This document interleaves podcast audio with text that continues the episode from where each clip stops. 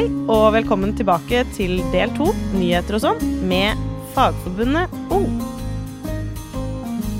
Vi har jo eh, besøk av to gjester eh, til i dag. Og den ene er jo deg, Runa Fiske. Velkommen i studio. Jo, tusen takk.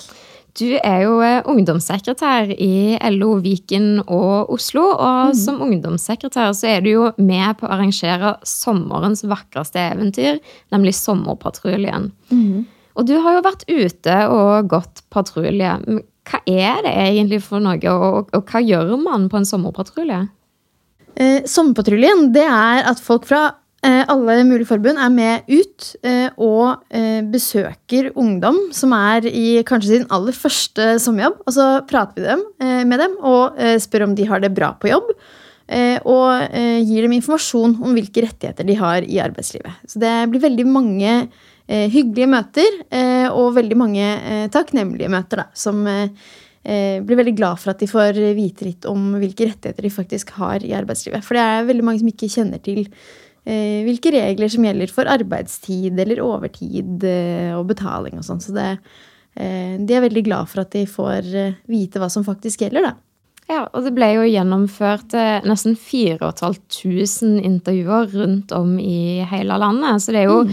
en ganske stor patrulje da, som er ute hver sommer og tar tempen på norsk arbeidsliv. Mm. Eh, og i år så var det jo dessverre rekordmange brudd, eh, med en prosent på rett over 50. Og enda litt verre for de som er under 18. Det var vel et par og 60 Eh, hva brudd er det man ser mest av der ute? Eh, det er jo litt forskjellig i forskjellige bransjer, men det man ofte ser eh, brudd på, er jo at man får vaktliste for sent. Man vet ikke når man skal jobbe før kanskje dagen før eller samme dag. Ehm, det er en del kontrakter som ikke er riktige, eller at man ikke har fått kontrakt. Eh, eller at man jobber for mye. Eh, enten i forhold til hvor gammel man er, eller at man rett og slett bare jobber mer enn det loven tillater. Ehm, det, det, er jo noe av det vi eh, undersøker. Og så er det jo andre ting også, som ja, at man jobber mer enn man skal, eller at man ikke har det bra på jobb, eller at man ikke får den opplæringa man skal ha. Det er også noe vi ser ganske mye av. Er det noe som, eh, som, på en måte har sjokkert deg eller overraska deg eh, mest ute på patrulje? Har du en historie som skiller seg litt ekstra ut fra i år? Eh, ja, altså vi møter jo mange unge som er i en litt sånn kjip uh, situasjon på jobb. Uh, det er viktig å si at det som også er veldig bra, er at de aller fleste trives. Og det er liksom, selv om de har brudd på loven og sånn på arbeidsplassen sin, så trives de. Men det er noen ganger at vi møter folk som ikke har det bra på jobb. Eh, og det gjør jo selvfølgelig inntrykk hvis vi eh, merker at eh, sjefen f.eks.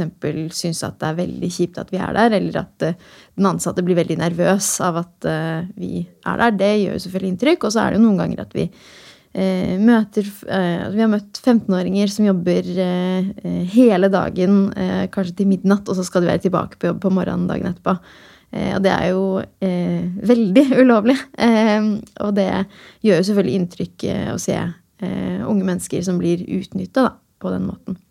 Sommerpatruljen er jo en eh, glad patrulje, og vi er jo der ute for å informere og for å hjelpe til. Og har du kanskje et høydepunkt og noe som liksom var ekstra kjekt i år? Jeg syns eh, hele patruljen egentlig gikk eh, veldig eh, bra. Altså, det var jo mange som var med. Veldig gøy når arbeidsgivere sier ja, ja, og så samler de sammen alle sommervikarer. Og er kjempefornøyd med at vi er der. Og selv hvis vi da Altså, jeg syns det er veldig fint hvis vi finner brudd, og arbeidsgiverne da er sånn Å, det må vi fikse opp i! Fordi vi vet jo det at de aller, aller fleste arbeidsgivere har jo lyst til å gjøre ting ordentlig og følge loven. Eh, men eh, det er ikke eh, alltid de vet at de faktisk bryter loven. Og jeg synes det er veldig sånn, For meg blir det litt sånn høydepunkt når arbeidsgivere liksom får vite at ting ikke er på stell, og så er de sånn åh, det må vi fikse. Og så får vi kanskje tilbakemelding etterpå om at de faktisk har ordna opp i ting. da. Det synes jeg er veldig sånn Da merker man at det at vi er på patrulje, faktisk har noe å si for helt ekte unge mennesker. da. Mm. Hva kan man egentlig gjøre da i, i et tilfelle hvor eh, en ungdom sier at eh, de ikke får overtidsbetalt, eller at de ikke har arbeidskontrakt? Hva, hva gjør man da? Eh, altså, for eh, ens egen del, da, hvis man opplever at, eh, at loven brytes, eh, anbefaler vi aller først at man prater med sjefen. og fordi, ja, som jeg sa i stad, så vil jo de aller fleste følge loven. Men Eh, hvis de da ikke gjør det, og det ikke nytter å prate med dem, så kan man jo eh, enten eh, tipse Arbeidstilsynet. Hvis man er medlem i en fagforening, så kan man jo få hjelp fra fagforeningen sin. Fagforeningen kan jo hjelpe alle medlemmer med de problemene man eventuelt har på jobb. Så det er jo noe man burde gjøre. Det er også litt av grunnen til at man burde være med i en fagforening, og hvorfor det er lurt når man er, spesielt når man er ung og sårbar. da. Mm. Og, og LOs sommerpatrulje, det er jo ungdommer i LO eh, som er ute og besøker andre ungdommer. Eh, og hva vil du si til et eh, ungt medlem? Kanskje man er ungdomstillitsvalgt eller tillitsvalgt på arbeidsplassen og syns at dette her høres veldig spennende ut. Eh, hva, hva, gjør man eh, da, når man eh, kjenner at sommerpatrulje, det høres gøy ut? Da syns jeg at man skal finne ut hvem som er ungdomssekretær for LO i sin region. Ta kontakt og si 'jeg har kjempelyst til å være med på sommerpatrulje'. Og så får man all den informasjonen man trenger for å delta. Eh, og så er det bare å slenge seg med. Det er kjempegøy. Det er, eh, ja, det er jo på sommeren, så det er jo stort sett godt vær. Og vi er eh, ute sammen, og man blir godt kjent. Og det blir sånn fellesskap mellom oss som er ute på patrulje også, da. Så jeg anbefaler veldig å være med. Og så bidrar man jo til et bedre arbeidsliv for unge mennesker. Da. Så det, ta kontakt, så får dere være med. Mm.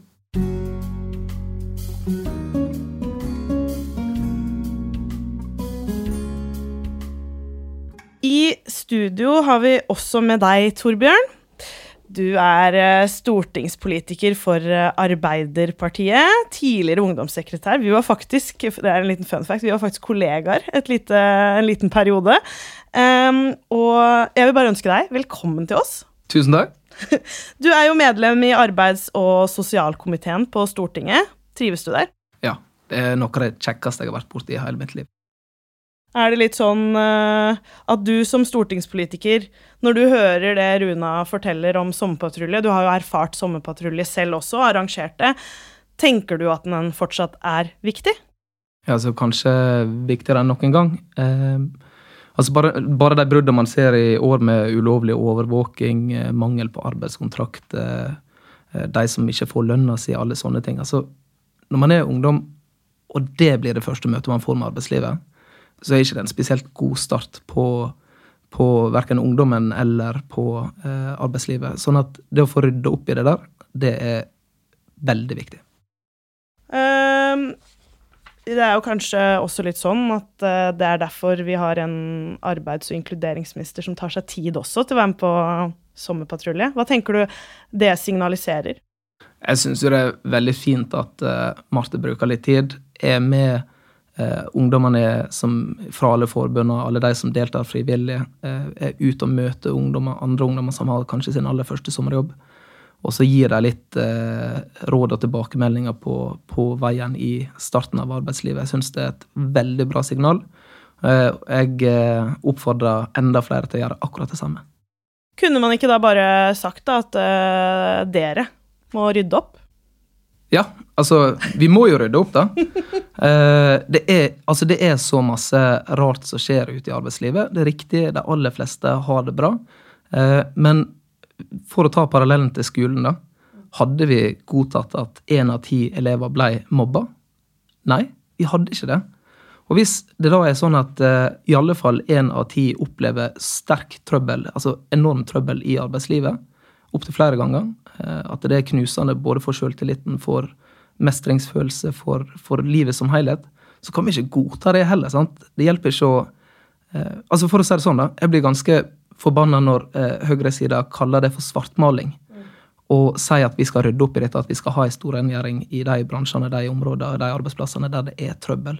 For det, det her handler egentlig bare om å sørge for at eh, i tillegg til at fagforeningene er på lag med arbeidstakerne, at politikken òg er på lag med arbeidstakerne. Og Da har det noe å si hvem som styrer landet.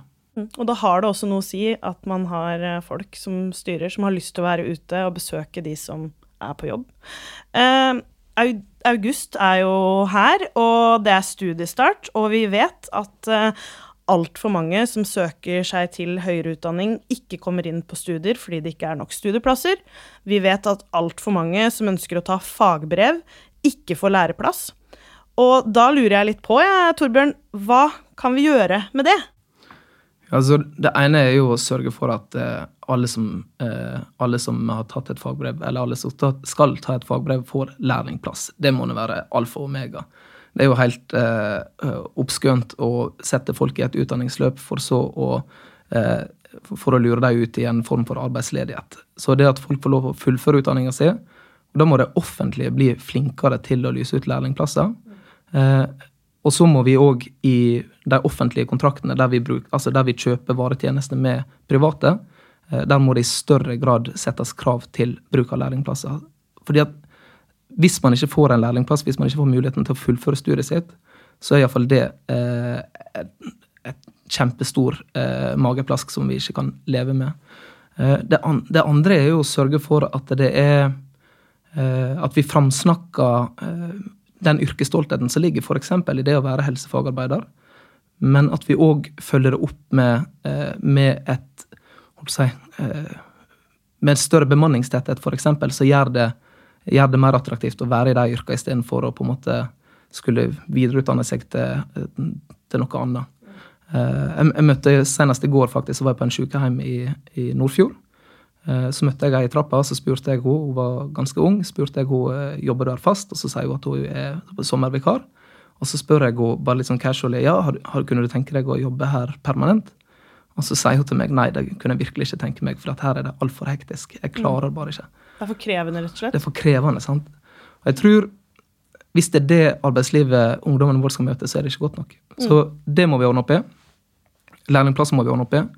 Og så må vi sørge for at folk ikke blir permanent stående utafor, for det har blitt et kjempeproblem. Hva sånn rent uh, Har dere noe Altså denne episoden heter jo sånn nyheter og sånn. Har dere noe på trappene, kanskje, som uh, vil være nyttig for ungdom i framtida? Altså, en av de mest uh, spennende tingene som ligger foran oss, er jo det som heter ungdomsgaranti. Det som er ekstra spennende der, det er at vi vet vel fortsatt ikke sjøl eh, hvordan den endelige eh, si, blekka med tiltak vil være. Men det som er poenget, det er å komme med flere konkrete tiltak som sørger for at ungdom ikke blir permanent stående utafor. Under den borgerlige regjeringa ble det en dobling av unge uføre. Jeg har eh, ansvar for, eh, en god del ansvar for Nav i Arbeiderpartiet. Jeg møter veldig mange av disse her. Eh, og ett fellestrekk som mange av de har, er jo at de blir stående, altså de er stående utenfor arbeidslivet og uten en fullført utdanning. Og da å f.eks. i større grad ha graderte trygdeordninger som gjør at man kan kombinere en ytelse med utdanning og kanskje litt jobb, det kan være løsninga. Men eh, vi må på en måte tenke på tvers av disse her fordømte siloene våre. Da jeg tror mange av de tilfeller eh, der ungdom har falt utafor, så kan det være fordi at de, de har en psykisk helse som ikke har fått den drahjelpa de trenger. Eh, kan hende de har slitt med mestringa, eh, ikke fått deltatt i et sosialt nettverk. Eh, blitt skubba på utsida av samfunnet. Så det å i større grad bruke alle de gode kreftene vi har, både i skolen og utenfor skolen, det tror jeg er helt nødvendig. Jeg har hørt det, Torbjørn, at du kunne tenkt deg å fortelle meg en liten historie. Nå, eller oss. Det er jo mange som lytter på. Det er jo ikke bare meg her, men vi er jo noen i studio, og så er det forhåpentligvis noen som lytter på. Jo, jeg hadde jo ikke tenkt det, men siden du spør, da. Neida, jeg, jeg, jeg, kunne gjerne tenke meg, Siden du spør meg om det med uh, ungdom som faller utafor, så kunne jeg gjerne tenke meg å fortelle dere om uh, en samtale som jeg hadde med en politimann. Jeg har en politimann som uh, en som er en veldig fin fyr som heter Odd Helge, som jeg har hatt mange kaffekopper med i mitt eget distrikt. Og så har vi snakka om alt fra ruspolitikk til ungdom som faller utafor, osv. Og, så og så fortalte han meg en ting. Og det var at han eh, hadde en hel masse ungdommer som hadde falt utenfor litt i rus, litt i kriminalitet.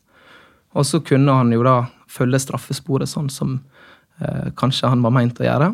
Men det som han heller gjorde, det var å oppfordre mange av disse ungdommene til å søke på en sommerjobb. Og vanligvis er greia at disse her ungdommene de kommer bakerst i køa. Bak eh, meg og deg og alle mulige som har gode nettverk og enklere forutsetninger for å få en sommerjobb. De ville vanligvis ikke fått det. Men det som han gjør i tillegg, da, det er at han går til mange av de bedriftene som ungdommene søker på.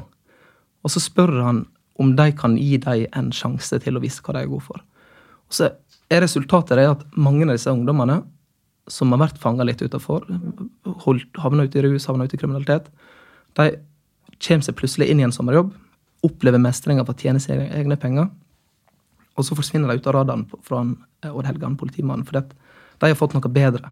Jeg blir rørt, jeg. Det... bare, det, bare, det gi, bare, det, å gi, folk en mulighet istedenfor eh, at de skal fortsette å være ute på utsida av samfunnet, jeg har veldig tro på det. Så når vi snakker om utenforskap, det er bare å sikre folk bedre, eh, bedre forutsetninger til å komme seg inn i, i, i jobb. Jeg tror det er Altså, det finnes ikke noe viktigere. Jeg sitter her med litt uh, tårer i øynene. Veldig fin uh, historie, Torbjørn. Jeg tror at det du forteller om her, det er noe vi alle kan ta med oss. Det å gi folk en sjanse, og det å At vi kanskje får et litt varmere samfunn med litt flere muligheter for flere, da.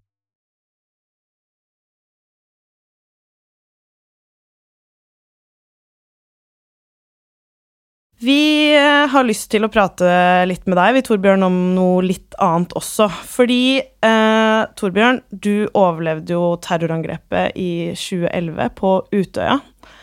Da var du jo en del yngre enn det du er nå, og det er jo noe man ikke skal måtte oppleve som verken ung eller voksen. Eh, og jeg må jo si da at det har vært veldig fint å få på plass minnesmerket på Utøyakaia. Det tror jeg vel du også mm, det har vært veldig fint. har kjent på. Det skjedde jo også i sommer. Eh, og så har jo du, Torbjørn Jeg er jo venn med deg på Facebook, jeg er så heldig å få lov til å være med det, og følger jo med på det du deler. Og i sommer så har jeg sett at du ved flere anledninger har uttalt deg og delt litt eh, om hvordan hat og hatefulle ytringer er krevende som politiker og som samfunn. Og da lurer jeg jo på først, da, er det krevende å være politiker i dag? Uh, svaret er vel at Altså, jeg er, jeg er nok blant de heldige. Jeg er mann fra distriktet med skjegg. Eh, jeg, jeg, tror jeg slipper helt ærlig, jeg tror jeg slipper veldig masse av det som mange, eh, spesielt unge kvinner, får. Eh, og spesielt unge kvinner med, hvis man har minoritetsbakgrunn, får. Altså, jeg, jeg, jeg har vært med i, som folkevalgt og som politisk engasjert i en del år nå etter hvert. Men den utviklinga som vi har kanskje spesielt sett de siste åra, det siste året, der det blir mer og mer hat. Eh, beklager språket eh, til dere som hører på, men folk som skriver hore og fitte og landsforræder og quisling og eh, gå og heng deg og den type ting eh, Jeg tror vi ser mer og mer av det, både i det åpne debattrådene og i lukka meldinger. Og jeg mener det er på høy tid at vi tar et større oppgjør med akkurat det. Mm. Er det ikke litt sånn eh, at man bare befinner seg i da, å få sånne kommentarer? Altså Absolutt ikke. Eh, og her er grunnen. Det ene er jo det at vi ønsker jo at eh, alle skal kunne delta i ordskiftet vårt. alle skal kunne... Det som er fint med demokratiet vårt, er jo at i motsetning til USA, der må man være steinrik og eh, ha enorme nettverk for å kunne bli politiker, så skal hvem som helst kunne bli det i Norge. Det er noe av det fineste jeg vet. Eh, uansett om du er direktør eller om du jobber som renholder, så skal du stille med like forutsetninger. Eh, men hvis debattklimaet blir så fordømt hardt at det blir ubehagelig å være med og snakke sammen, så tror jeg at vi mister veldig mange gode folk. Og det er den ene grunnen. Den andre grunnen det er jo at hvis Altså, jeg tror altså i, I arbeidet som jeg har, så er det veldig mange som har genuine ting som de er bekymra for, ting som de har lyst til å nevne eller ta opp til meg og ta opp til andre. Hvis de som bruker capslock og skriver de styggeste tinga, skal få all oppmerksomheten og de skal ta all plassen, så fortrenger de òg alle de stemmene som fortjener å bli hørt. Så på vegne av oss alle så syns jeg at vi trenger å eh, sette ned foten og sette skapet på plass. Så enkelt, faktisk. 25.6 i år så opplevde vi jo nok en gang terror eh, i Norge, i Oslo. Denne gangen her så var det jo et angrep som vi har fått bekrefta i ettertid, var retta mot det skeive miljøet. Og det skjedde også under Oslo Pride-markeringa. I etterkant så har det jo eh, flomma også der over av hat eh, på sosiale medier. Eh, vi opplevde det også på våre kontoer. Vi delte en TikTok fra Rosehavet og Blomsterhavet utenfor London pub, og det ble vi måtte sperre kommentarfeltet, for det ble så ubehagelig og så ufyselig. Og dette er på steder hvor unge folk mellom 15 og 25 i hovedsak eh, befinner seg, og eh, blir fylt av dette hatet, da. Um, det var ikke bare vi som opplevde det, det var andre De aller fleste steder jeg så i uka etter her, så var det mye hat. Hva tenker du da at vi som samfunn eh, kan gjøre i en sånn situasjon, og hvilket ansvar har vi som bevegelse? Det er jo et veldig stort spørsmål, men har du noen tanker om det, Torbjørn? Altså, jeg tror det viktigste det er å forstå sammenhengen mellom det som skjer i kommentarfeltet, og det som skjer eh, idet noen trekker en, eh, eh en, trigger på et skytevåpen, eh, og skjønne at det henger sammen. Eh, nå for bare noen uker siden, to uker siden så var jeg i Polen. Eh, jeg var i Auschwitz for første gang i livet. Jeg visste jo at det var jævlig, men jeg helt ærlig jeg visste ikke at det var så jævlig.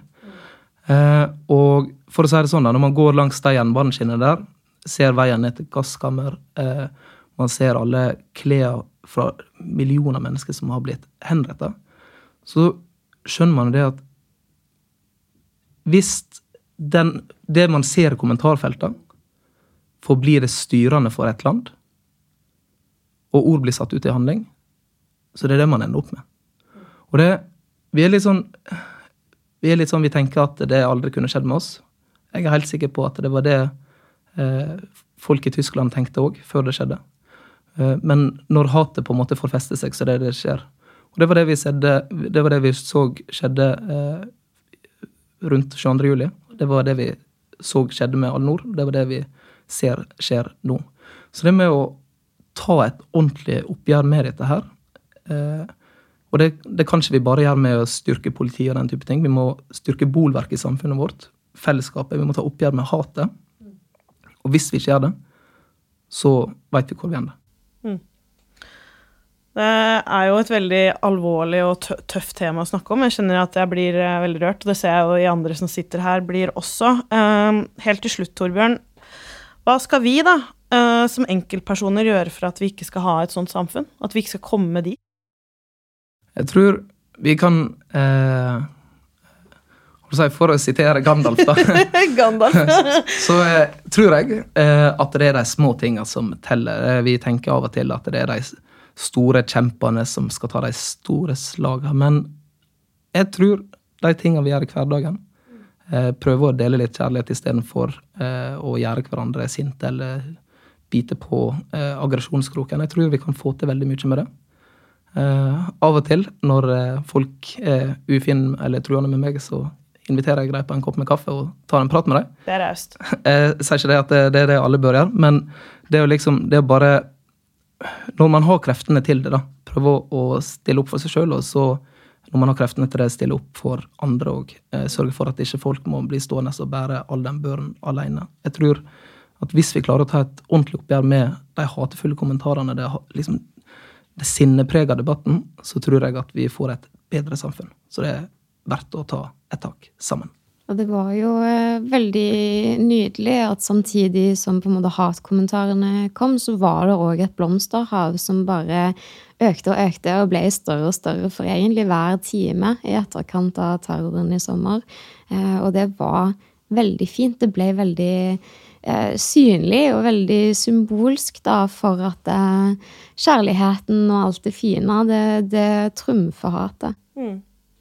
Dette har vært en uh, veldig fin samtale, Torbjørn. Jeg vil bare takke deg spesielt for at du tør å dele, at du står på hver eneste dag, og at du Det du sier, det betyr faktisk noe for alle de som mottar den type meldinger, de som leser det, og det, det, er, det, det er de små tingene i hverdagen som ja, jeg tror vi alle kan klare å gjøre, da. Når uh, Solidaritetsungdommen uh, fronter antirasistkampanjen sin, så er det fordi at vi alle sammen hver eneste dag kan være antirasister, si ifra uh, og stoppe hatet, da, og det tror jeg du har helt rett i.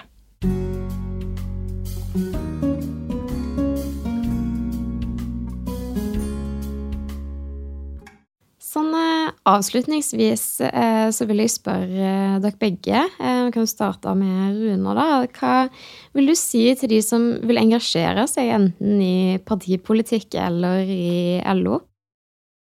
Jeg vil bare si gjør det.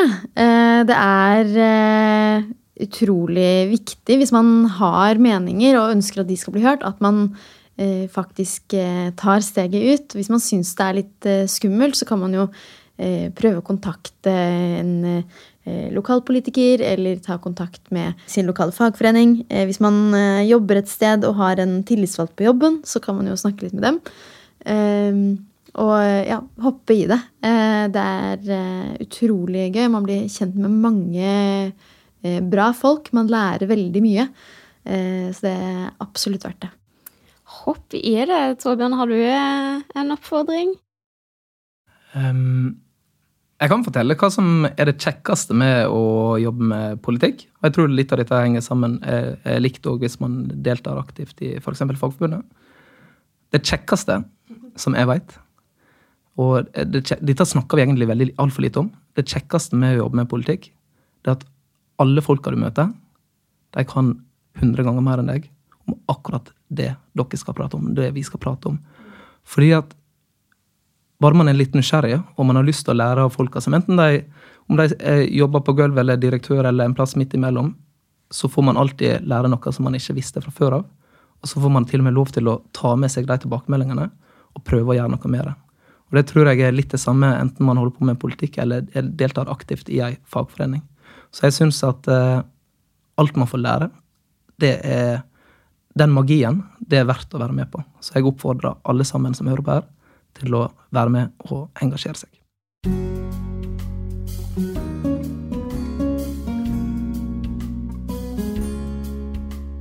Jeanette, nå har vi hatt mange spennende, dype, jeg vil si også vanskelige og ikke minst engasjerende samtaler. Det blei vel også litt nyheter og sånn, som vi lova i starten. Eh, hva sitter du igjen med etter denne episoden her, Jeanette?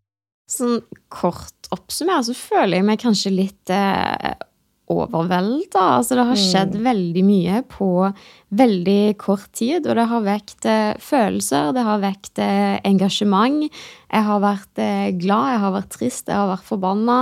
Jeg har òg kjent på den der kampånden, da, og er veldig klar for en, eh, en spennende og interessant høst. Ja, for det er ingen tvil om at uh, vi trengs, og det er bare å brette opp uh, ikke armene, som jeg pleier å si, men ermene på uh, skjorta og stå på for det vi tror på. jeg gleder meg til den høsten vi har foran oss. Det skal skje veldig mye spennende både i forbundet, men også i politiske vedtak som jeg vet at regjeringen sitter og lurer på. Det skjer mye bra framover. Og så gleder jeg meg veldig til landsmøtet vårt i eh, oktober. Jeg gleder meg skikkelig, og det er òg veldig godt å vite at vi har altså nesten 50 000 unge medlemmer i ryggen. Sammen med alle de andre medlemmene i Fagforbundet. Så skal vi virkelig stå på denne høsten. Hver eneste dag, og til neste gang vi høres.